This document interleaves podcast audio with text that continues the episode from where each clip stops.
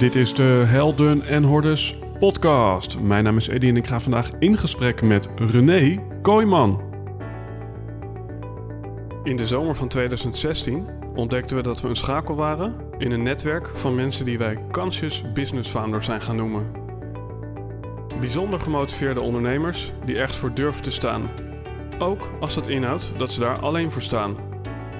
Die 200% toewijding willen geven voor 1% groei en zeggen: Dit ben ik en dit is mijn bijdrage aan een meer gebalanceerde wereld.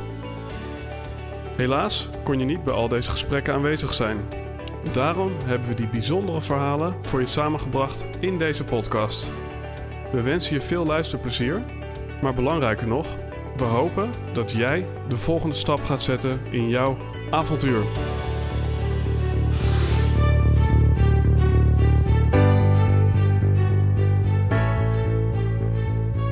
Ladies and gentlemen, dit is de Helden en Hortus podcast en ik ga vandaag in gesprek met René Kooijman.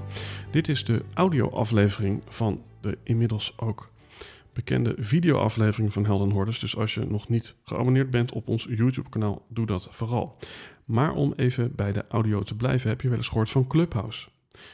Dit is eigenlijk ja, de Twitter van auditieve. Dus je kunt daar masterclasses geven, conferenties, workshops in audio. Dus iemand die vertelt wat en andere mensen kunnen als het ware, ja, alsof het een soort telefoongesprek is, met diegene die die les geeft in gesprek gaan in zogeheten rooms.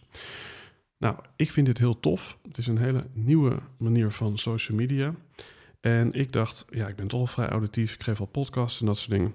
Waarom start ik niet rooms op Clubhouse onder de naam Minder Worden, Meer Winst? Waarin ik, ja, mensen ga helpen met hun slogan, mensen ga helpen met hun copywriting, met hun stukje storytelling.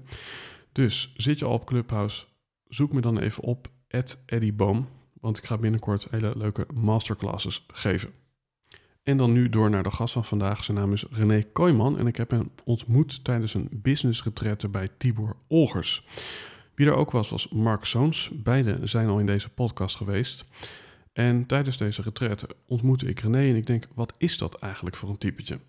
Hij zag er heel net gekleed uit en nou ja, toen dacht ik, oké, dat is een beetje een zakelijke jongen. Totdat we een ijsbad ingingen en toen kwam er een enorme brul en wie lag er als eerste in? Zijn naam was René Kooijman. Dus ik dacht, volgens mij is er maar één van René. En volgens mij staat hij ergens voor, ook al staat hij daar alleen voor. En is dat ook waar deze podcast over gaat, dus die moest aan tafel. Dus nog een keer, zijn naam is René Kooijman en hij is oud-marinier en een echte strijder en, en, inmiddels al bijna twee jaar ondernemer. En in zijn korte tijd als ondernemer is René meerdere malen geconfronteerd met serieuze ups en diepe downs. Daarin zit ook direct zijn credo opgesloten, discipline en doorzettingsvermogen. Door zijn tijd bij de mariniers weet hij als geen ander wat de kracht is van vallen en opstaan. En René is sinds een jaar ook coach voor een snel groeiende groep jonge ondernemers en wie hij met passie en overgave deze boodschap overdraagt. Nou, ik kan vertellen, het is ook wel een hilarische aflevering. René is zo iemand die dan niet wist dat er een lockdown was en gewoon naar buiten ging. René is ook iemand die ineens het programma Boos van Tim Hofman op de stoep had staan.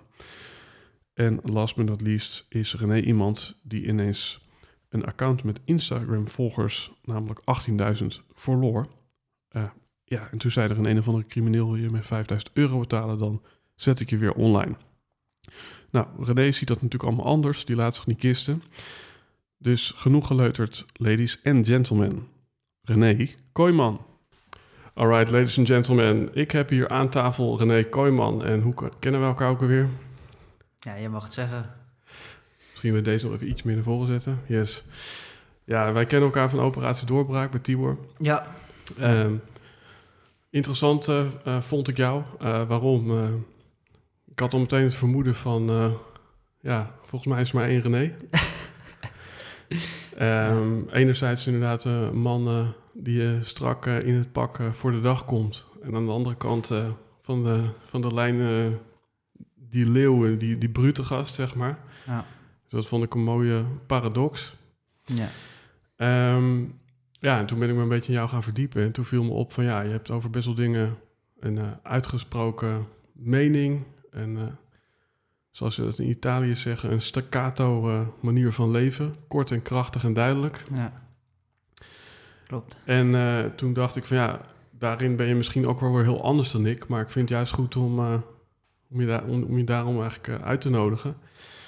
Want daar eh, zit eh, het leren, wat ook een woord is wat volgens mij eh, iets met jou te maken heeft. Ja, Ehm, misschien is het goed om hier eventjes te beginnen. Eh, we leven nu in een tijd eh, ja, natuurlijk eh, van het virus. mhm. Daar hebben we het al vaak genoeg over gehad, inhoudelijk. Maar dat brengt ook allerlei dingen met zich mee. Dat brengt veranderingen met zich mee, omstandigheden. En een van die omstandigheden is, is ook wel dat we ineens moeten opletten wat we zeggen. Tenminste, moeten we dat? Nou ja, kijk, als we het niet doen, dan zijn er bepaalde platformen die denken dan, eh, dan halen we je eraf. ja, Of er zijn bepaalde mensen op verjaardagen die zeggen van... eh, wat er met jou gebeurt, ben je wel goed bij je hoofd. mhm. En ik denk dat jij iemand bent die voor het hele virusverhaal ook al wel eens... Ja, misschien eh, mensen om je heen had die dachten... waar ben jij nou helemaal mee bezig? ja, correct. Ehm, een van die dingen is dat je een keer bij het programma Boos bent geweest. Klopt. Ehm, ja, een ander ding wat ik je wel eens in een podcast heb eh, horen zeggen... is dat mensen niet snapten dat jij van die groeiambities had... en wat voor omzet je dat jaar wil halen. Mhm. Ehm, en nu is het ook nog eens een keer zo dat jij volgens mij afgelopen week jouw Instagram-account met zo'n 18.000 volgers bent verloren aan een een of andere ja, wappie die dacht. eh, Dat klopt ook, ja. ja. want eh, even, misschien bizar. even goed om daar in het heel klein te beginnen. Wat is daar precies gebeurd? Ja, ik... eh, eigenlijk was hij ineens weg. Ik opende mijn account, ik moest een code invullen. En toen ik de code invulde, toen eh, was hij verdwenen. En ik kwam er niet meer in. Ze hebben me, waarschijnlijk hebben ze gelijk mijn eh, e-mailadres veranderd. mijn 06 veranderd. Mijn accountnaam veranderd. En Footsie. Dus, En toen, en hoe, hoe- wist je dan dat dit gebeurd was? Nou ja, ik ging gewoon inloggen op mijn Instagram-kanaal en eh, dat, dat lukte. En op een gegeven moment eh, werd ik eruit gegooid. Vervolgens heb ik mijn netwerk ingezet om te kijken van eh, ja, wat is er precies gebeurd. Ja, Maar eh, ja, daar konden er ook, die konden er ook niks aan doen. Die hebben wel kunnen achterhalen van oké, kunnen we daar wat aan doen? Ja, dat zijn hackers. Dus er werd verteld van iemand in Nederland wil jou eruit hebben. Dus die heeft ervoor betaald om jou te laten verwijderen. Ja, ik weet niet of dat waar is, durf ik niet te zeggen. Maar in ieder geval, eh, ik moest eh, 5k betalen om eh, het account terug te krijgen. Ja, dan heb je wel de goede aan mij, want ik zeg dan gewoon keihard nee. En dan begin ik gewoon zeg maar weer opnieuw. En de echte fans en mensen komen toch alweer terug. ja, want er zitten eigenlijk twee dingen in die ik dan al heel interessant vind. En ik denk de luisteraar ook. Eén is, als het waar is dat iemand een hekel aan jou heeft en dit in uitvoering heeft laten brengen. Mhm, Ja, dan kan je misschien ook onzeker over straat gaan eh, van wie is dat? mhm. En wat is dat voor een, voor een, voor een engert? eh, en wat heeft hij misschien nog meer eh, in petto? Ja, Ja, je kan ook bij jezelf te raden gaan, heb ik dan iets fout ge- gedaan? ik denk van niet. Ik zeg gewoon wat ik denk. En ja, mocht hij meer in petto hebben, dan heb ik nog meer in petto voor hem. Ja, ja. dus... ehm, maar, maar ik denk dat dat wel heel interessant is, hè? Van, je kunt je dus wat aantrekken van die persoon die, die dan zogenaamd erachter zit. Mhm. En als die er niet achter zit, dan kan je iets aantrekken van die partij die, eh, die jou gewoon gehackt heeft. Ja. En eh, nou, los van hoe het dan is gekomen... Of Ja, je focus je op jezelf en je gaat kijken hoe je het nog beter kan maken. Waardoor eh, ja, ze eigenlijk hun achter de feiten aanlopen in plaats van jij. Ja, ja want, want daar komen we zo. Maar wat ik al heel interessant vind, stel dat het gewoon niet met een een of andere ja, crime-aanval eh, zo is dat je ineens er niet meer in kan. Ja, Ja, dan hoor ik eh, veel mensen zeggen, ik ben mijn levenswerk kwijt. ja, Als je zoveel volgers hebt. ja. Wat, wat doe, dan, ja, waar zit dan, ik bedoel, ik kan me ook voorstellen dat je er helemaal mee uitscheidt. Dat je Nee, denkt, nee, helemaal niet. Kijk, ik heb dat binnen een jaar heb ik dat eh, kunnen realiseren. Dus ja, we leven nu in 2021. Ik heb be- ben best eh, ja, sterk begonnen. Dus aan mij de taak is om er nu eh, dit jaar 50 van te maken in plaats van eh, 18 eh, wat ik vorig jaar heb kunnen realiseren. ja, Dus, zo kijk ik er dan tegenaan en dat is ook een beetje mijn instelling. Ik, ik kies er altijd voor om de positieve kanten van in te zien. En om gewoon nog steeds eh, ja, door te blijven gaan. Waar anderen zeg maar zouden stoppen, ja. trek ik hem altijd nog iets verder door. Dat is denk ik wel... eh, Maar ga je er dan op dat moment even mee zitten en mee balen? Of eh, is het meteen doorpakken? Nee, ik heb geen enkel moment gebaald. Heb ik wel gehad. Alleen bij andere dingen die er dan gebeurden in mijn leven. Ja. Maar op dit moment zit ik in zo'n lekkere spiraal, zeg maar. En het gaat allemaal goed. Dus ja, waarom zou ik? Ik, ik zag het. Ik, stu ik stuurde een berichtje naar een jongen die heel groot is in Instagram. En die zei tegen mij van... eh, ja, dit en dit is er gebeurd. Ik heb het nog nooit, maar ook echt nog nooit meegemaakt dat, dat dit voorkomt. Mhm. En eh, dus ik zei het van ja, weet je, dan, eh, dan houdt het op. Ik ga geen geld betalen in ieder geval. En dat vind ik gewoon echt onzin. Dat, ik heb dat zelf opgebouwd, er zit heel veel geld in. En Mhm. dan moet ik er ook nog eens geld voor gaan betalen. Ja, weet je, dat, dat ga ik niet doen. Ja. Dus ik heb er niet echt mee gezeten. Maar ja, ah, natuurlijk denk ik wel van ja, hmm, Mhm. het is wel vervelend. Maar goed, we gaan nu... Ja, want ik kan me voorstellen dat als je zo'n ondernemertje bent wat jij bent, dat alles ook een beetje om groei draait. Ja, En dan, ja, dan gaat het er ook om dat je meer had dan gisteren. Maar eh, nu heb je ineens veel minder dan gisteren. ja. Maar het klopt ook wel weer met het verhaal natuurlijk. Hè? Wat, bij, wat mijn verhaal al sowieso heel mijn leven is. En Ja. ja. Ja, dit gebeurt en ik pak hem gewoon door. En ik ga er gewoon voor zorgen dat het alleen maar sterk wordt. En het is natuurlijk wel weer marketing. Als je dit gewoon goed neerzet, Ja, ja. dan heb je wel weer marketing eh, iets. En heb je dat ook al gedaan? Eh, het staat in de startblokken. Ik heb het uitgeschreven en eh, we zijn er mee bezig. Dus vandaag gaat al het een en ander eruit. Ja. Ja, want dat is even mooi even doorpakken op... ik bedoel, het gaat mij niet om dat ik het rijtje afga met alle shit. Maar het gaat mij vooral om van, hoe ga je met dingen om? Want daar Ja. kunnen we wat van leren. Kijk, de slogan van deze podcast is, sta, sta ergens voor, Mhm. ook al sta je er alleen voor. Ja, Ja, en nog zo'n momentje ja, wa- was dat ineens boos op de stoep stond, dat BNN-programma. ja. Of, of dat nou terecht was of niet, maar, ja. maar opnieuw, eh, ja, wat gebeurde er en hoe ging je ermee om? Ja, ik werd overvallen eigenlijk, maar ja, het deed me niet zo heel veel eigenlijk op dat moment. Want ik kende heel het programma Boos al helemaal niet. Maar ja, ze stonden toch wel op de stoep. En ik kende Tim Hofman kende ik ook niet. Dus eh, dat was mijn voordeel. Ja, Als ik dat had geweten, had ik misschien wel anders erover nagedacht. Maar ik wist totaal niet waar, waar het over ging. Ik wist niet wie ze waren. Ik denk, ze komen gezellig een bakkie doen. Maar dat bleek dus anders te zijn. Maar ook daar, weet je, ik heb niks te verbergen. Ik eh, sta die man gewoon netjes te woord. En vervolgens eh, doe ik nog een beetje mijn eigen stijl te gaan hangen door eh, een paar push-ups te doen. En gewoon ja, te lachen eigenlijk. Omdat ik vind van ja, je bent hier sowieso om te leren. En er is wat misgegaan. Wat ik had kunnen voorkomen. Ja. Maar ja, je bent nou eenmaal net een aantal maanden ondernemer. En dat had je niet zien aankomen dat het zo snel was gegaan. Ja, en dan kan dat gebeuren. Maar om dan helemaal in de war te raken, dat heb geen zin. nee. En ehm, ja, kijk, het woordje leren, daar hadden we het net al eventjes Mhm. over. Ja, Eh, je hebt volgens mij wel eens ergens gezegd, wat is succes? Succes is leren voor jou. ja, ja. Ja, waarom? Nou ja, kijk, je kan niet in één keer succesvol worden. Nee. Kijk, je kan eh, natuurlijk kan je wel met. Je hebt, je hebt geluk nodig in je leven en het moet allemaal meezitten. De win mee hebben, zeg ik altijd. En dan eh, kan je succes behalen. Maar kijk maar naar echt succesvolle mensen. Die zijn al eh, ja, tegen de 50 aan, zeg maar, 40, 50. En die eh, hebben heel veel meegemaakt in hun leven. Mhm. En dat stukje was leren. Ja. En daarna komt eigenlijk pas succes. En ik vind het ook wel mooi, weet je. je. Je bent sowieso op aarde gekomen om te leren. Dus zeg ook gewoon wat je, wat je denkt en waar je voor staat. Waar, waar jij het ook, ook mooi over hebt over je, met je podcast. En als je dat gewoon eh, doet en je blijft leren in je leven... Ja. dan komt op een gegeven moment wel alles bij elkaar, de puzzelstukjes vallen... en dan eh, ben je er. ja. En daarin ben je totaal niet bang om fouten te maken. Nee, ik, ik hou van fouten maken. Ja, zijn er dingen waarvan je toch nog een beetje op de rem trapt? En Misschien in je privé of in relaties. Zijn er nog dingen waarvan je denkt, nou, daar eh, doe ik toch een beetje te voorzichtig?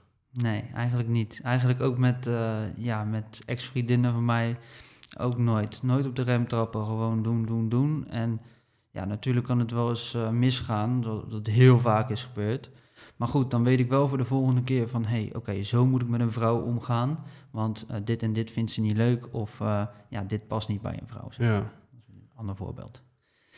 En waarom denk je dat ehm, heel veel andere mensen, ja, van, vanuit een stukje angst voor afwijzing, eh, misschien ook een stukje eh, angst om te falen, dan wel eh, ja, zoveel leerkansen laten liggen? Want ik denk dat het toch vrij uitzonderlijk is dat jij er zo in staat. Ja, we worden, we worden opgevoed en geprogrammeerd om juist geen fouten te maken.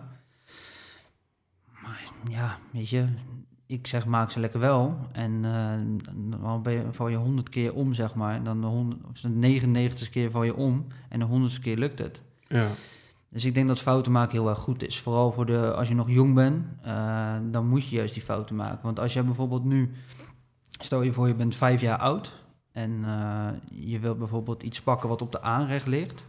En dat mag eigenlijk niet van je ouders. mhm.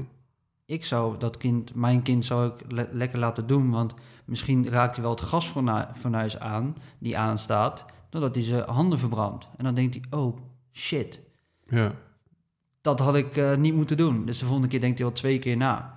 En als je dus eh, altijd al iemand probeert iets niet te laten doen, dan kom je er nooit achter. nee. Nee, want dat is natuurlijk ook een beetje een wat groter thema. Veiligheid en weerbaarheid. Ik bedoel, ik denk dat, ja, dat we op heel veel plaatsen in de wereld nu zien dat er ingezet wordt op veiligheid. Ja, Of het nou accountbeveiliging is of eh, persoonsbeveiliging of ja, veilig over straat met een kapje. ja, Ja. Eventjes naar de marine. ja, Want ehm, ja, dat is natuurlijk ook een wereld waarin je volgens mij eh, leert eh, te leven met een gasfornuis wat aanstaat. klopt. Ja. ja, daar ben ik gewoon echt een man geworden. Daar, eh, ja, dat heeft mij zo erg gemaakt tot de persoon die ik vandaag ben. En daar ben ik ook hun heel erg dankbaar voor. En vooral spreek dan echt over de, de corporaal sergeanten die mij hebben opgevoed, zeg maar. Ja. Dat zeg ik altijd. Hoe ben je daar terechtgekomen? Dat is een mooi verhaal, want ik, eh, ik wou altijd profvoetballer worden. Maar eh, ja, door, door omstandigheden lukte dat niet. En dan moet je op een gegeven moment jezelf erbij neerleggen. En toen liep ik eigenlijk bij de Wereldhavendagen in Rotterdam. En toen eh, zag ik de mariniers tekeer gaan op boten en trainingen doen, zeg maar. Mhm. En het eerste wat ik zei van dat is wat ik wil. Toen was ik eh, 16 jaar volgens mij. En toen ben ik ja, een school ingegaan, zat ik in mbo over VEVA mariniers. Nou, dat heb ik voltooid en eh, toen ben ik eigenlijk de mariniers ingegaan. Dus het was ook gewoon het doel, dat marinier worden. En dat was het enige doel de, de, de komende drie jaar. Ja. En dat is gelukt. En is dat iets wat je van huis uit ook mee hebt gekregen? Of, of is het juist een soort van contra-geluid op je opvoeding? Nee, nee, nee. Mijn vader eh, sowieso. Mijn vader die zegt ook altijd willen winnen. Mhm. Dat is ook een, eh, een harde werker en die doet er ook altijd alles voor om gewoon goed voor elkaar te hebben. En eh, die heeft altijd, die- hij was ook trainer van mij, van, van het voetbalteam, eigenlijk Mhm. heel mijn leven. En die zei altijd, je moet willen winnen. Als je, jij moet echt laten zien dat jij wil winnen en dan zal de rest ook laten zien dat ze willen winnen.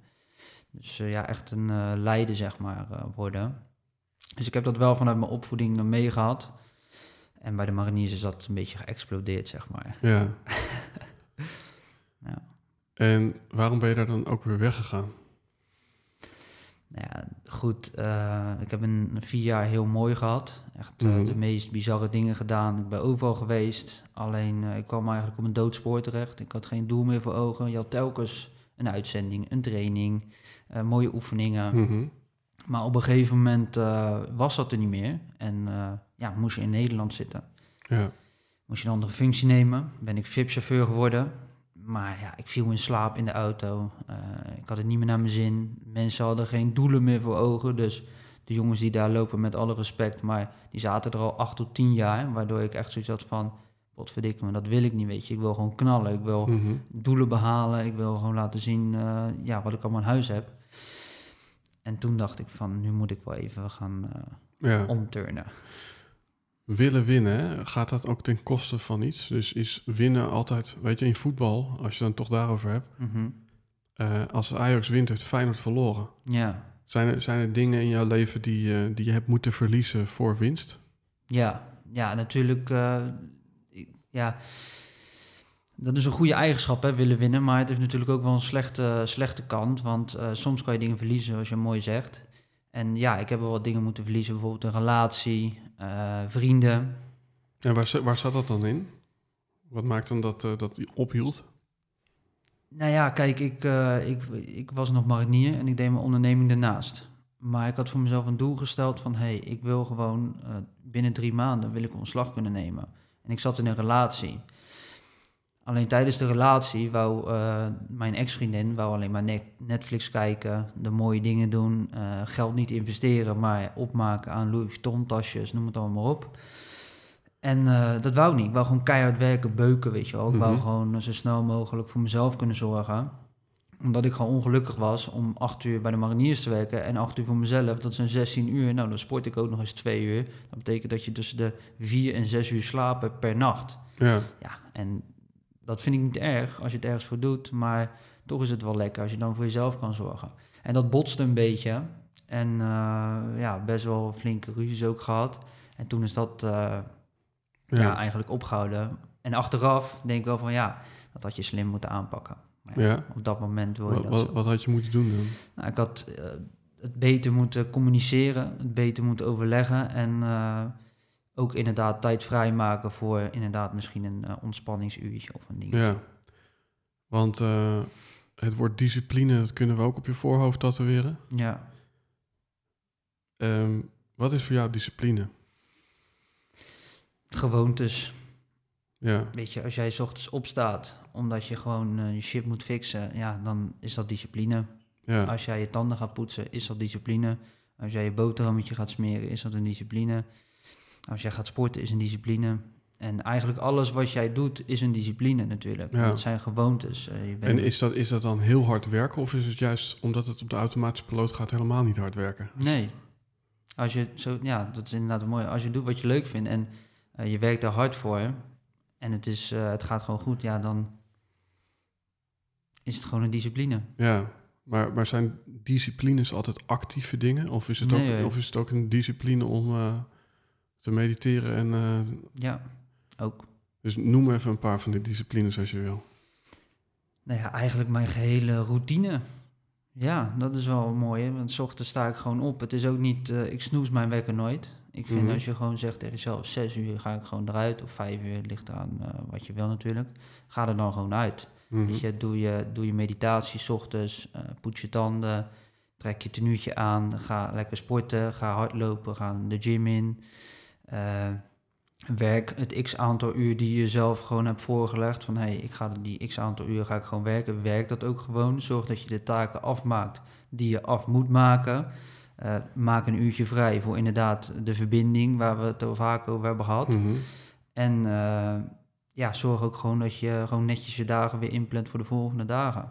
Ja. Dat zijn allemaal disciplines die dagelijks terugkomen. Ja. Kijk, het hebben van een, van een ja, gewoontepatroon. Ik denk inderdaad, net als tandenpoetsen, als je hem helemaal hebt, dan, eh, dan, is, dan is het wel oké. Ja, dan kan je het ook nog een keer niet doen, maar het gaat over het algemeen wel goed. Maar het gaat er vooral om, hoe kom je tot dat punt dat het gewoon een automatisme is geworden? Want ik bedoel, ik kan wel snappen dat tandenpoetsen belangrijk is, maar hoe kan ik ervoor zorgen Ja. dat ik er om zes uur uitga, dat ik al die dingen op die dag doe. Waar, waar begin je en hoe zorg je dat je het volhoudt? Ja, ik kan begrijpen dat het voor, de, voor heel veel mensen ook lastig is. Want eh, eigenlijk kan ik het ook weer niet begrijpen. Maar goed, ik snap het wel. Want bij mij is het echt erin geprogrammeerd. Als wij in het, twee weken in het veld moesten slapen bij de mariniers, ja, dan moest je gewoon tot in de puntjes alles op orde hebben. Dus ochtends eh, moet je gewoon om zes uur zeg maar klaarstaan. Moet je tent ingepakt zijn, moet je water opgetopt zijn, moet je hebben gegeten, moet alles spik en span zijn. Je moet je hebben geschoren, je moet je tanden hebben gepoetst. Dat zijn allemaal dingen die in een korte tijd moeten gebeuren. Als je meer tijd nodig hebt, ja, dan moet jij een kwartier eerder opstaan. Of misschien wel een half uur. Zodat je wel kan zorgen dat je gewoon op tijd klaar bent. En ook hierin is dat leren, dat trainen waar ik het altijd over heb, is weer van toepassing. Kijk, als jij nooit hebt gesport en je gaat ineens sporten, dan is dat raar, dan is dat apart. Maar Mhm. als jij dat eh, vier weken lang één keer per week doet, dan zit je erin. Mhm. Vervolgens, de volgende maand, ga je naar twee keer per week. Nou, dan, dat is ook weer wennen. Weet je, dat, Mhm. dat moet even weer, dat moet gaan lopen. Nou, en uiteindelijk na zes maanden zou je misschien wel een keer zes keer kunnen per week. En dan, Mhm. als je dat dan volhoudt, ja, dan blijft het een soort ritueeltje wat dagelijks eh, in je dag hoort. Ja. En daar maak je tijd voor. En dat, dat voelt lekker, want je, je zit in dat, in dat Ja, ja, ja. je rolt er gewoon in, zeg maar. Heb jij ook disciplineloze of routineloze dagen? Ja, Ja. Ja? Maar wel pas eh, sinds eh, een aantal maandjes. Ik heb ook twee maanden eventjes zitten dobben. Dat het, dat het gewoon echt minder ging op alle fronten. Maar eh, eigenlijk de laatste anderhalf, twee maanden gaat het weer eh, ja, goed. En eh, bouw ik ook die, die disciplineloze Ja. tijden in. Ja. En waardoor ging het minder? Kwam dat van buitenaf of van binnenuit? Waren het de omstandigheden, dus bijvoorbeeld het beleid of zo? Of was het iets van binnen? Nee, ja, van buitenaf. Ja. Ja. En dat, dat werd zo erg op mij geconfronteerd, zeg maar, dat ik mezelf eigenlijk gewoon kwijt was. En ja, dat is heel erg zonde, maar ook wel eens goed om mee te maken, want ik heb weer geleerd. Ja. Ja, en van buitenaf, ik bedoel, ik kan me voorstellen dat je het niet helemaal wil, eh, wil, wil delen, wat dat dan precies is. Ja, wel, kijk, eh, het ging heel goed in begin 2020. Mhm. En vervolgens eh, word je geconfronteerd op een programma zoals Boos. Krijg je bedreigingen naar je hoofd toe. Dus mensen gaan je bedreigen, die willen je komen opzoeken, noem het allemaal op. Maar dat Ja. zijn allemaal jongens die, meiden, ik weet niet wat het zijn, maar die zitten op zolder een beetje jou, Mhm. jou te berichten. En eh, ja, weet je, dat, dat is toch vervelend. Dat, dat heb je nog nooit meegemaakt. Het is hetzelfde als wat net dat, dat stukje, eh, als je nog nooit hebt gesport, dan is Mhm. dat raar als je spierpijn hebt. Ja. En voor mij was dit ook zeg maar een klap van... hé, hey, huh, dit hebben we nog nooit meegemaakt. En ik krijg ineens zoveel kritiek, negativiteit... en Ja. alles kwam op je af. Ja, en ik wist niet zo goed hoe ik het moest verwerken. En Ja. eh, antwoorden liggen altijd in jezelf. Maar het was voor mij echt van... eh, zo, waar moet ik het nou weer... hoe moet ik dat nou weer verwerken? Ja, en, en ik heb je ook wel eens eh, horen zeggen dat het hebben van een coach belangrijk is en dat je misschien zonder mentor niet eens vooruit komt. Ja, Had je die op dat moment? niet echt. Kijk, ik heb toen de tijd heb ik een podcast gemaakt met Roy Martina... Mhm. Dat is ook een fantastische man. En dat deed me wel goed, maar toch niet echt. Weet je, het was toch weer, het was niet eh, face-to-face. Je kon niet even babbelen met elkaar. Het was via de Zoom en eh, ja, het was niet echt een, eh, een coaching. Mhm. En die heb ik wel opgezocht en dat was eh Tibor. Ja, En ja, dat heeft me wel even weer goed gedaan, ja. ja. ja.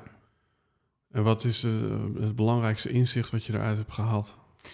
Nou ja, wat ik mooi vind aan, eh aan Tibor natuurlijk, dat is gewoon eigenlijk een, ik ben een kopie van hoe hij denkt ook. En ehm, wat ik eigenlijk in begin 2020 allemaal deed, wat allemaal goed ging en hoe het allemaal Mhm. verliep, dat was ik ook echt. Daarna ben ik mezelf verloren.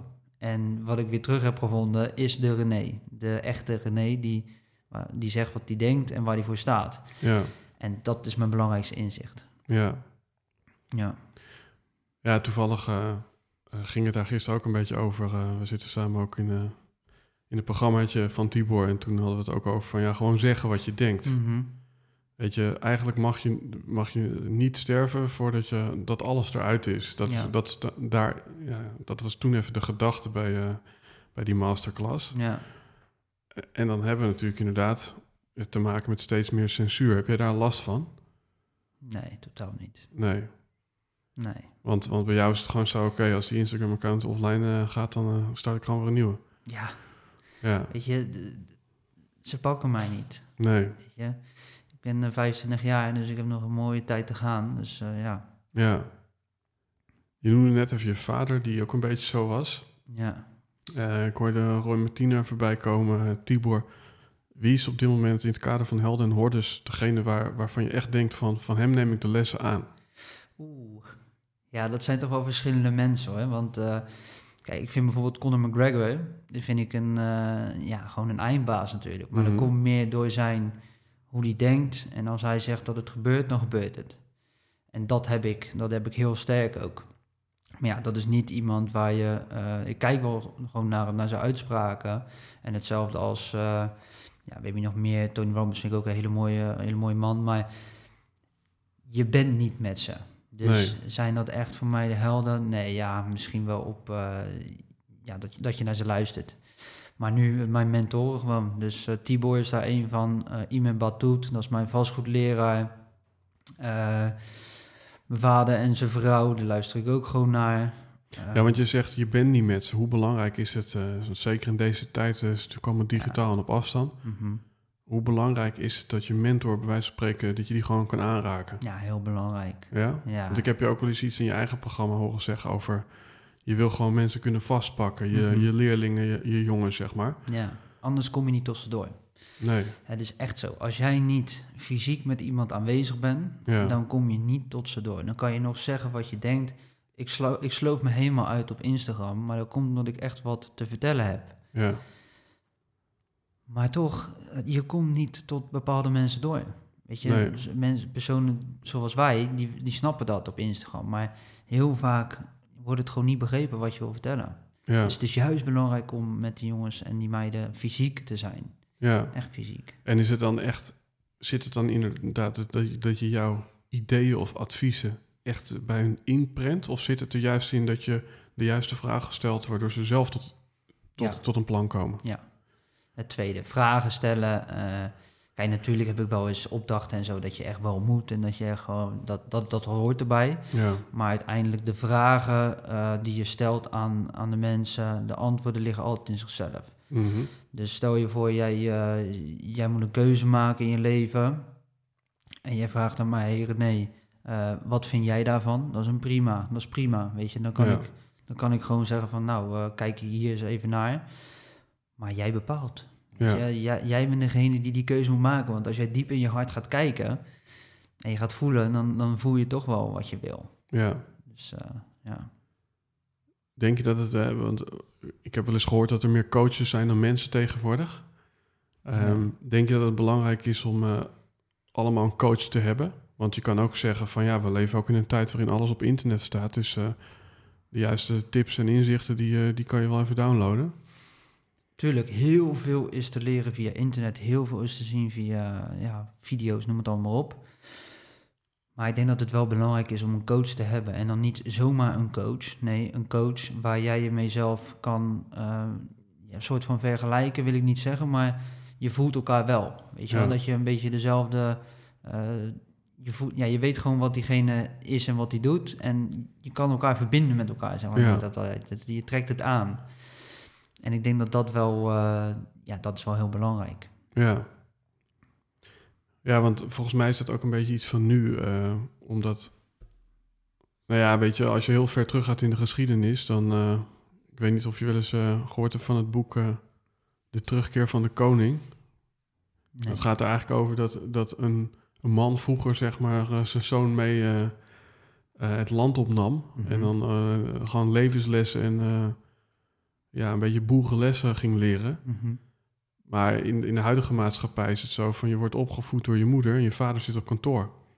Dus, dus, dus dat stukje, als je het dan toch hebt over coaching, ja, op, dat, dat kreeg je vroeger gewoon van je pa, Ja, ja. maar tegenwoordig niet. Hoe, is dat bij jou gegaan? Heeft jouw vader jou echt meegenomen aan je haren en eh, laten zien, en dit is het leven en dit eh, moet je leren? Nee, kijk, natuurlijk krijg ik wel adviezen van hem. Maar hij heeft me nooit echt laten zien van eh, zo en zo en zo. En mijn ouders gingen ook scheiden toen ik, eh, toen ik 12 jaar was. We woonden eerst in Spanje drie jaar, van mijn negende tot mijn twaalfde. En toen gingen ze scheiden, toen gingen we weer terug naar Nederland met heel het gezin. En toen was het eigenlijk eh, ja, drie dagen in de week bij mijn vader, vier dagen per week bij mijn moeder. En zo ging dat een beetje. Dus in het weekend leerde mijn vader natuurlijk wel bepaalde zaken en door de week mijn moeder. Maar ja, nooit echt levenslessen wil ik het niet noemen. Nee. Eigenlijk Nee. sinds, ik op me, sinds ik op mezelf ging wonen, toen ik 18 was, toen eh, ging ik levenslessen leren vanuit mezelf. Ja, want je, eh, ik, ja, ja, ja, volgens mij was je zelfs 17 toen je het huis uit ging of zo. Ja, ja. Wat, eh, was daar een goede reden voor of had je het wel gezien? Nou ja, nee, mijn moeder die had gewoon een eigen bedrijf. En ze ging weer samen met, met een nieuwe vriend. Mhm. Dus ik zeg, ja, doen, weet je wel. Ik hoop dat je alle geluk vindt in de wereld en eh, lekker doen, weet je. Ik red mezelf toch wel. Ik heb dat altijd al, eh, ook in de jaren daarvoor, was ik altijd eh de jongen die zeg maar voor iedereen zorgde, ook voor de vriendengroep. En ik regelde altijd alles. Dus ik zeg, red me wel. Ja. Dat komt goed. En ja, dus toen woon ik eigenlijk op mezelf. Dus niet per se verplicht, maar wel eigenlijk soort van, ja, Waar, waar komt dat denk je vandaan? Dat jij eigenlijk zo'n houding hebt gehad van ik red me wel. Ik bedoel, weet je, ja, Ja. want eh, even een soort klein stukje ertussen van, er zijn heel veel mensen die hebben last van een onveilige hechting, zoals dat heet. mhm, Dus die zijn in hun jeugdjaren eigenlijk, hebben te weinig misschien support, eh, stabiliteit of eh, vertrouwen gekregen van hun ouders. En dan krijg je de laadbloeiers. Mensen Ja. die eigenlijk het gevoel hebben, ik kan niet alleen en die, en die blijven een beetje sukkelen. Ja, die blijven in de zekerheid ook en alles. Waar, waar, waar zit bij? Want ik hoor wel, er was, er was ook sprake van een scheiding. Dus, dus, Ja. dus waar komt het dan vandaan dat jij zegt, eh, ik red me wel, mam? Ik durf het niet per se, ik durf niet echt te zeggen, maar ik denk inderdaad dat dat er wel mee te maken heeft. Van, eh, ja, je ouders, zijn- je ouders gaan scheiden, je bent 12 jaar. Dat, is toch een, eh, dat heeft toch wel in, in, ja, invloed op je. Ehm, nou, ik ben vaak, eh, ja, misschien niet helemaal, eh, nou ja, ik heb ervan geleerd, vechtpartijen meegemaakt. Waarin Mhm. ook gewoon eh, leuke klappen zijn gevallen. Eh, ja, ik heb de gekste dingen meegemaakt, weet je wel. Echt ook criminelen om me heen gehad. En zelf ook natuurlijk wel wat boefjes dingen gedaan. Ja, En ik denk eigenlijk daardoor dus gewoon, ja, gewoon groeien in, in, in je leven en zoveel mogelijk doen. ja. En dat dat de reden is waarom ik zei van, ik red me wel. Ja. Hoe eh, ben je uiteindelijk, hè, want ik kan me ook voorstellen dat oké, je zit een beetje met de schoffies op straat, Mhm. een paar klappen hier en daar. Ja, Ja, hoe, eh, ik herken dat wel. eh, laat zo zeggen, ik heb ook een beetje zo'n vriendengroepje gehad. eh ja, er werden nitraten afgestoken in prullenbakken, bureau halt en weet ik wat allemaal. Ja. Ehm, maar hoe ben je dan uiteindelijk ja, in een soort van, ik noem het maar even, een celibatair leven gekomen? eh, in de zin van gezond eten, eh, vroeg eruit, ja, discipline. Want ik kan me voorstellen dat heel veel van die gasten waar toen mee omgingen, ging, dat die nog steeds eh, met, met, ja. met een fles bier achter Netflix zit. Klopt, ja. ja. Dat is ook echt zo. Nou ja, ik denk dat dat gekomen is omdat ik gewoon zei van ik ben het helemaal zat.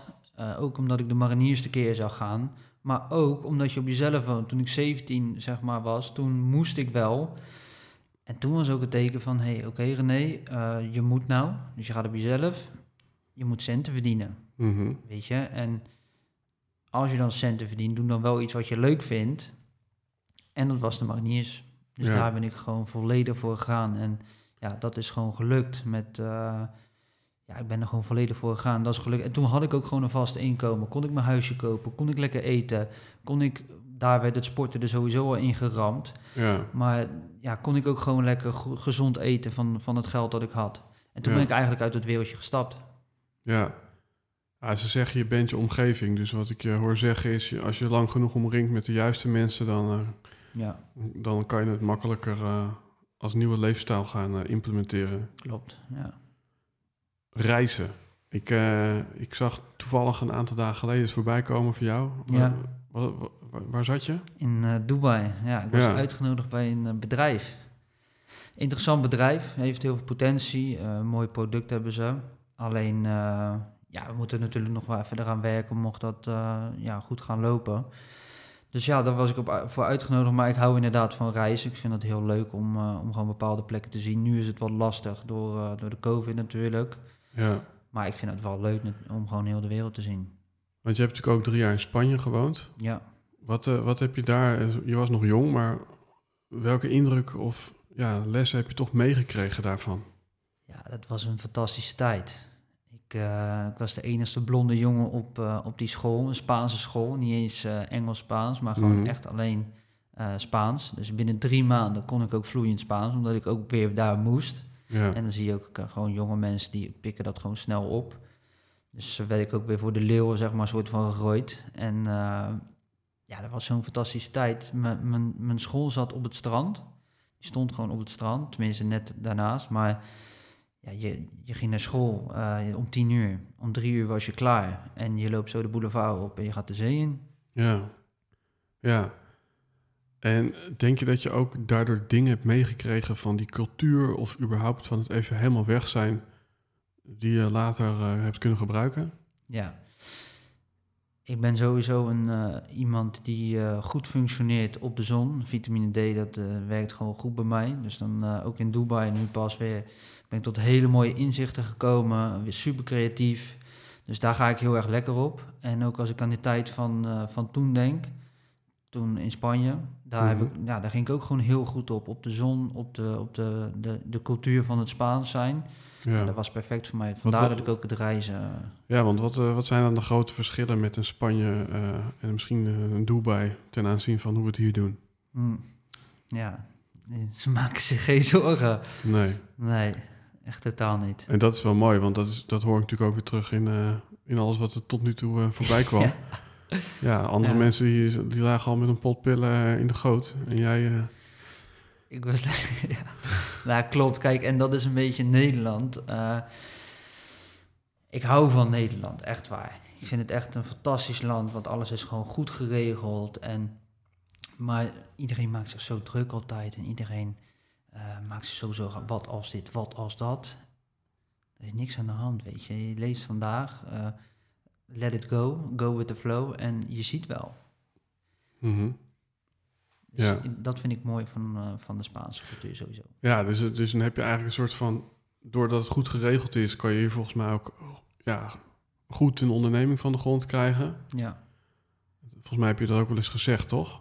Dat je in Nederland is, is het eigenlijk, wat jou betreft, raar als, als je je zaken niet op orde hebt, omdat je hier gewoon alle kans hebt. Ja, klopt. En ja, daar wil ik mee zeggen van, we hebben allemaal een eerlijke kans. Weet je, Eh, jij bent niet beter als dat ik ben. Ik ben niet beter als dat een ander is. Weet je, iedereen is gewoon gelijk. En dat heb ik ook geleerd weer bij de mariniers. Toen Ja. we daar starten, iedereen kale kop. Al ben je een mooi boytje, playboytje, of je bent iemand die nog nooit eh, wat heeft gepresteerd in zijn leven. Je bent exact hetzelfde. Het maakt niet uit waar je vandaan komt. Mhm. Iedereen is gelijk. Ja, Dus je moet er zelf wat van maken. En de een heeft een talent voor dit en de ander is weer goed in dat. Maar ja, weet je, dat, is, dat heeft ook weer met trainen en leren te maken. Als je echt iets wil en je hebt daar passie voor, ga Mhm. dat lekker doen. Ga dat lekker doen. ja. Ja, want eh, enerzijds iedereen is gelijk en eh, aan de andere kant denk ik, er is echt maar één René. Ja, En eh, zeker ook wat je beschrijft, je was de enige blonde in Spanje. ja, Maar dat heeft zich wel een beetje doorgetrokken, denk ik ook. ja, klopt. Ja, Ja, en dat is gewoon een levenspad die, eh, die ik heb belopen, of ben aan het lopen ben. En zo heeft iedereen zijn eigen leven, weet je. Dat, Ja. eh, ik zeg ook altijd, kijk lekker naar jezelf. Kijk niet te veel naar anderen. Je ziet tegenwoordig iedereen op Instagram naar elkaar kijken. Ja, ik moet bijna kotsen van bepaalde mensen. Dat ik echt denk van, ik, ik, ik vind dat niet eens interessant om naar te kijken. ja, Het is zo zonde, want eh, als jij alle tijd en energie in jezelf steekt... Ja, je wil niet weten hoe ver je gaat komen. ja. Bizar. Ja. Heb je ooit je wel iets aangetrokken van de mening van anderen? Ja, ja, ja, zoals ik al zei van eh, toen een aantal maanden Ja, geleden, precies. toen dacht ik wel van eh, oeh, weet je. Ja, oké. Maar, maar dat is oké, maar dat, dan, dan zijn het ook bijna bedreigingen. Mhm. Dus dat gaat nog iets verder dan een mening. Maar bijvoorbeeld, ehm, nou ja, gewoon een beetje in de smaak willen vallen. Heb je dat, heb je dat ooit gehad? Nee. Nee. nee. Kijk, je hebt natuurlijk wel als je een vriendengroep bijvoorbeeld hebt en eh, je doet elkaar allemaal een beetje na en bla bla bla. Maar toch heb ik altijd aan het, aan het, aan het einde wel mijn eigen mening en zorg ik wel gewoon dat ik eh, gewoon mezelf ben. En dan sta je ook het sterkste in je schoenen. Want als jij dus bijvoorbeeld je anders gaat voordoen dan je bent, ja, als je over vijf jaar ineens eh, dat niet meer volhoudt, Ja, ja, wat dan? ja dan precies. Ja, dan gaat het niet goed komen. Wat, wat denk jij, ja, stel dat de luisteraar zich nu afvraagt van, eh, dat wil ik ook. Gewoon eh, wat meer eh, staan, stand for what you believe in, even, if that means standing alone. Mhm. Wat, wat zou je de luisteraar willen meegeven om toch wat meer gewoon je eigen pad te gaan bewandelen en je vooral met jezelf te vergelijken? Verwijder social media, dat is één. Verwijder het gewoon. Ga eerst kijken wat je wil, wie je bent en waar je, waar je uiteindelijk naartoe wil. Wat is jouw stip op de horizon? Waar sta je nu is ook wel belangrijk. En wat is jouw stip op de horizon? En vervolgens, eh, zonder afleiding, ga je dat eh, zoeken. Op een gegeven moment weet je dat. En dan, eh, als dat een paar dagen zo is, en je kijkt jezelf elke keer weer in de spiegel aan van, ja, dat is het, dat is het. Dan ga je dat uitvoeren. Mhm. En dat kan niet binnen één dag is dat gefixt. Nee, eh, dat kost gewoon energie, tijd. En eh, ook inderdaad, waar we het net ook over wat tegenslagen. Zal dat, eh, Ja. zal dat gewoon, ja, dat gebeurt gewoon. En als je je shit hebt geregeld en je, je weet gewoon waar je heen wilt, ja, dan kan je wel misschien wel weer dat social media erbij pakken. En dan blijf je ook zo gedragen of zo doen zoals je ook wil zijn. En dan ga je niet meer aanpassen. Mhm. Dat verwijderen, hè? doe je dat ook op andere plekken in je leven? Ben jij een materialist of een minimalist? Je hebt wel een dikke bak. Ja, ik hou van mooie spulletjes. Ja, En dat is niet om, eh, oh kijk mij nou. Nee, maar ik vind het heerlijk als ik eh, op vakantie ga en ik kan gewoon een, eh, een mooi strandbedje gewoon huren.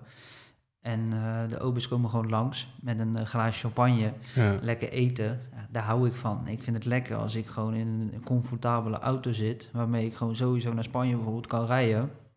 Dat vind ik lekker. mhm.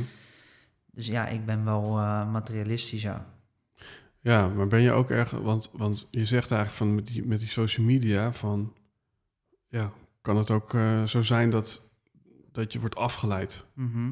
Dus zijn er op andere plekken in je leven nog meer dingen die je dan toch weggooit, om, zodat je makkelijker dicht bij jezelf blijft? Ik bedoel, ik heb wel eens, het is even een zijspoor dit, maar ik zag dat filmpje Mhm. dat er een beeldscherm met raam uit werd ge- getiefd, zeg maar. Ja. ja, kijk, dat zijn dingetjes die, eh, en nu vooral omdat ik eh, richting een ander Instagram-account ga, zal dat inderdaad meer voorkomen. En zal ik ook challenges gaan doen en wat meer, ook wat grappiger, zeg maar, over gaan komen. Maar mijn boodschap blijft wel hetzelfde. Ja, En eh, ja, met die boodschap van een, een laptop of een eh, beeldscherm uit het raam gooien, daar bedoel ik eigenlijk mee van, hé hey jongens, eh, ik gooi wel een beeldscherm uit, uit het raam, maar dat komt omdat jullie alleen maar of zitten te playstationen, of je bent te veel afgeleid door bepaalde YouTube-video's, wat helemaal niet interessant is, ja, of je kijkt alleen maar Netflix. En daar bedoel ik mee te zeggen van, hé hey jongens, steek wat meer tijd daar ergens in, Ja. als je nog niet gereed bent. ja.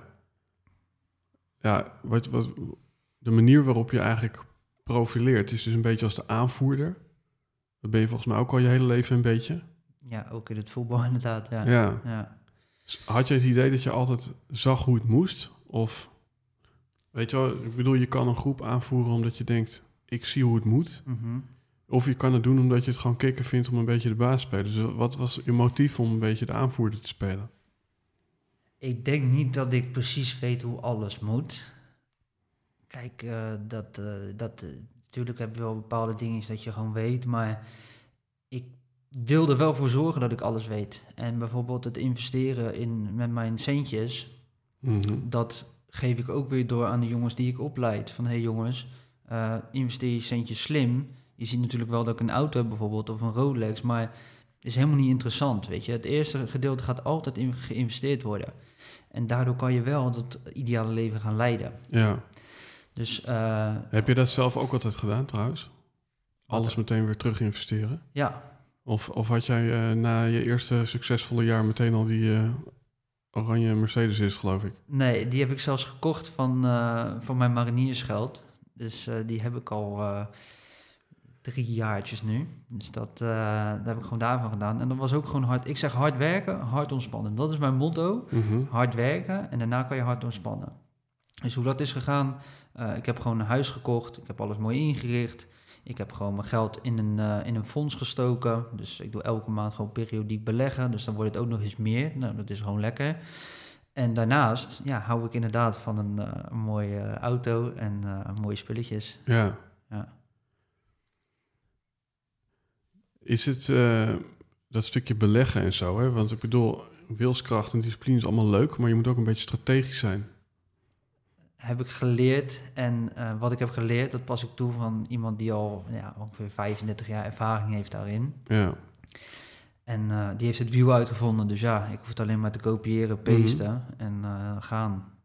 En dat gaat goed. Dus ik doe dat nu iets langer dan anderhalf jaar. En dat gaat eh, fantastisch zelfs. Ja, ja. dat is echt gewoon een mooi rendement. Jouw reis die begon een beetje op het financiële stuk met eh, dropshipping. Ja. Misschien even heel kort in het kort voor mensen die niet weten wat dropshipping is. Ja, ja dat is eigenlijk gewoon, eh, je hebt een product en daar geloof jij in. En Mhm. dat, dat product dat verkoop je op je eigen website. En je bent als het ware een soort bemiddelaar. Dus wat er gebeurt is, een klant koopt een product bij jou. Vervolgens eh, stuur je dat door naar de leverancier. En de leverancier verstuurt dat pakketje naar de klant toe.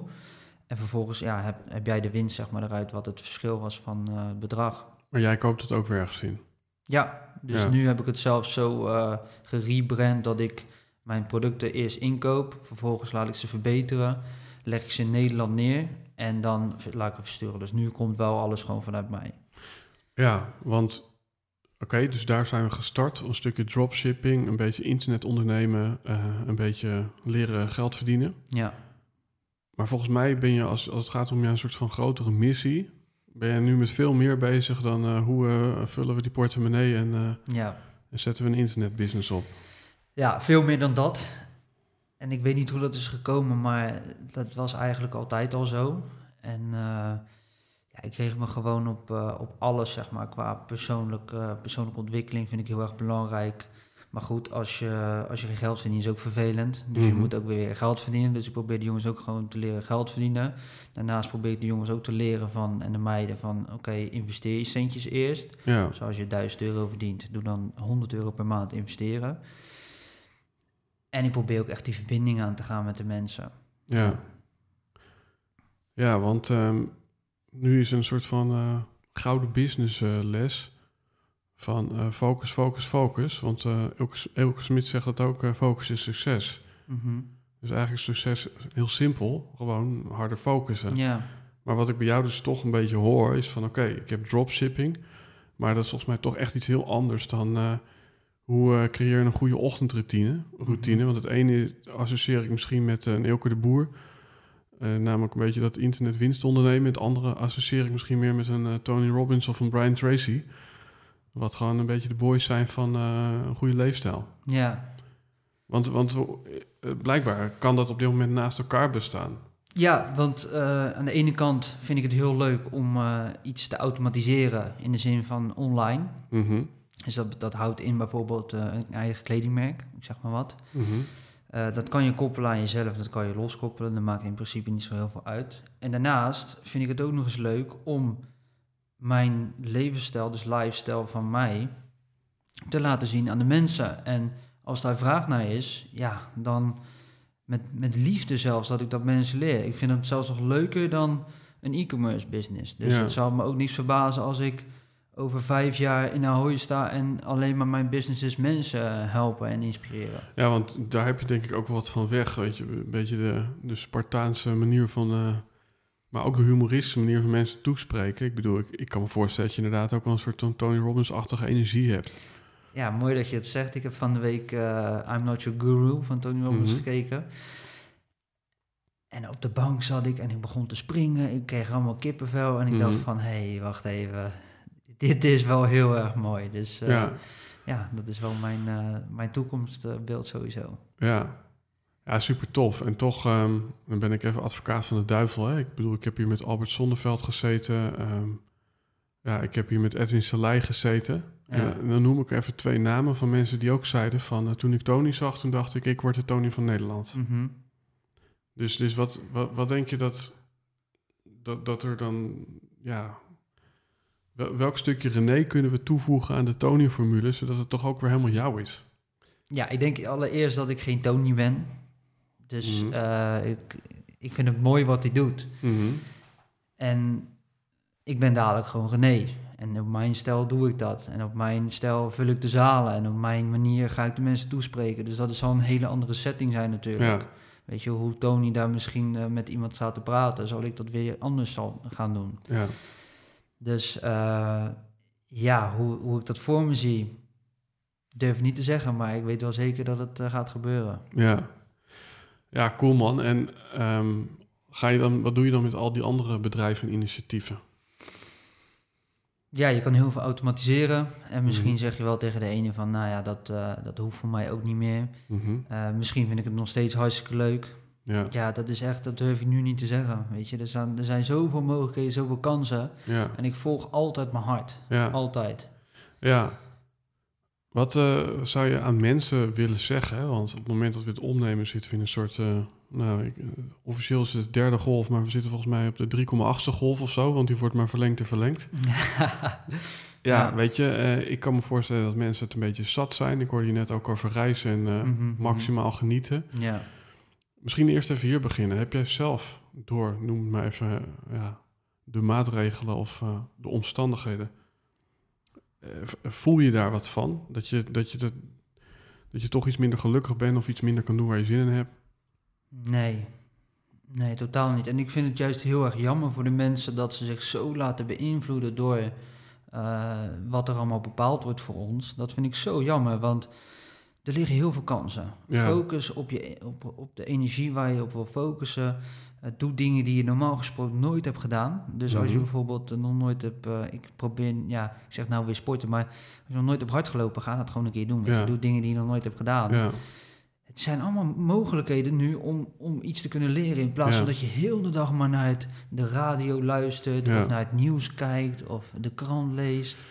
ja ben jij het ermee eens, de stelling dat, ehm, ja, dat je juist door die crisis die er nu heerst, dat, je, eh, dat de mensen die wij spreken een beetje in slachtoffer van aard eh, waren, nu nog duidelijker een soort van slachtoffers zijn? En de mensen die eigenlijk optimistischer zijn eh, van aard, dat die nu nog harder knallen? Ja, weet je, dat, dat, dat is een hele goeie van jou, want je bent je eigen slachtoffer. Dus ehm, je eigen limieten liggen ook in jezelf. Mhm. En als jij gewoon jezelf gaat ontwikkelen, waar nu dus de perfecte mogelijkheid voor is, al is het in boeken, al is het in cursussen, al is het in weet ik veel wat, Ja. dan kan jij ook gewoon verder komen in het leven. Ja, dus, dus, dus zag jij zeg maar, toen het voor het eerst in het nieuws kwam dat eh, die lockdown en toestanden kwamen, zag jij toen als, oh shit, even bijschakelen? Of, of zag je het als, mooi, dit is een kans om juist nog meer te winnen van de rest? Ik wist het niet. Ik wist niet dat er een lockdown was. Dus Wauw. Ik, ik, ik, hoe, hoe heb je dat gedaan? nou, ik ging dus eh, naar de stad toe. Ik denk, hé, ik ga even, even wat drinken halen bij... eh, dit dit stu- stukje komt waarschijnlijk in de trailer aan het begin. Oké, ja. ik, ik wist niet dat er een lockdown was. Nee, ik wist het echt Een niet. mooie want- clickbait. Ja, want eh, ik ging dus gewoon naar, naar de stad toe in Rotterdam. Ik denk, ik ga even een drankje doen. En toen ik daar aankwam, toen zeiden ze, we gaan dicht. Ik zeg, we gaan dicht? ik zeg, ik wil gewoon even een drankje doen. Ja, dat kan niet. Dus toen wist ik van, hé, hey, er is een lockdown. Ja, Ja, ja omdat, Dus je gewoon een- niet. eh, omdat je geen nieuwsapps had of zo. nee, nee, En, eh, ja. en ook niet een soort familie-app groep of zo. nee. ja, het klinkt misschien heel raar. Ik leef ook echt onder de steen in dat geval, zeg maar wel. Want ik krijg altijd het nieuws op kantoor van de, van de mensen waarmee ik werk, zeg maar van... Hé, hey, dit, dit speelt er weer, of eh, dit- Ja. de sportscholen moeten dicht, of noem het allemaal op. Weet je, en dan zeg ik oké, ja... Ja, ik kan wel mijn kont in de krip gooien, Ja, maar dan ga ik zeg maar... Of ik zeg gewoon van, hé, hey, ik ga gewoon juist eh, verder bouwen. Ik zie mogelijkheden ja. en ja, we zien wel waar het schip staat. Denk jij dat je harder gaat door dit soort crisissen? Of dat je eigenlijk altijd al gewoon keihard gaat? Ik ga altijd keihard. Ja? Ja, Laat het gewoon überhaupt niet beïnvloeden. nee. Nee. Mooi man. Misschien nog even een mooie afslag. We hadden het net nog even over reizen, wat ik me daar nog even afvroeg. Misschien een mooie combi-vraag, want ik Ja. wou het ook nog heel met je hebben over wat boeken en eh, inspiratie.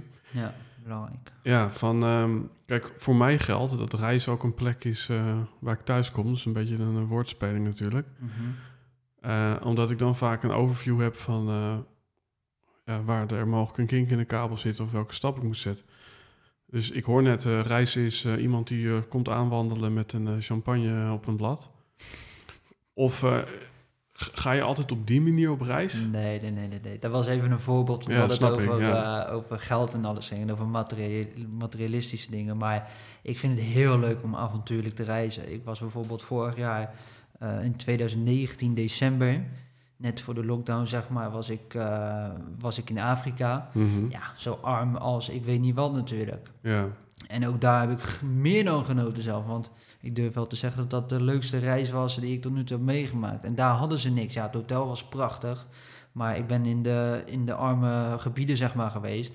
Met die voetballen kinderen. Ik heb nog een mooie video op YouTube erover. Dus dat is ook Ja. wel grappig. En dat vind ik mooi. Dat je ook gewoon eh, ja, die mensen kan helpen. Dat, dat, is, dat vind ik echt heel erg... eh, ja, dat vind ik heel mooi. ja. Dus niet per se eh, het luxe gedeelte van vakantie, noem het allemaal op. Maar ik hou ook van avontuurlijke dingen. Dus parachutespringen, bewegen. Ja. Antwoorden vind je ook in beweging. Dus ik hou van bewegen. Ja. Maar jij gaat niet, weet je, ik kan me ook voorstellen dat, dat mensen op reis gaan met een paar boeken. En die komen in een hotel niet uit en die zitten alleen maar... Ik weet bijvoorbeeld zo'n Ilke de Boer, die gaat af en toe naar Duitsland. Mhm. Ja. Eh, en dan zit hij daar gewoon in een hotel en eigenlijk... ja, het loopt misschien een blokje om. Heel veel doet hij niet. Maar Hm. gewoon daar in die omgeving zonder prikkels te zijn, dat is al genoeg. Ja, dat is mooi. Ik eh, doe dat zeker ook. Ik, ik- bijvoorbeeld in Afrika heb ik ook gewoon een heel boek uitgelezen. Niet vier, maar wel één in, eh, in tien of twaalf dagen, ik weet niet meer. Ja. Ja, Dus ja, daar heb ik ook gewoon een mooi boek van 400 bladzijden uitgelezen. ja. Welke boeken komen er in je op als je denkt van... misschien op het vlak van discipline of op het vlak van... eh, ja, eh, staan voor wie je bent.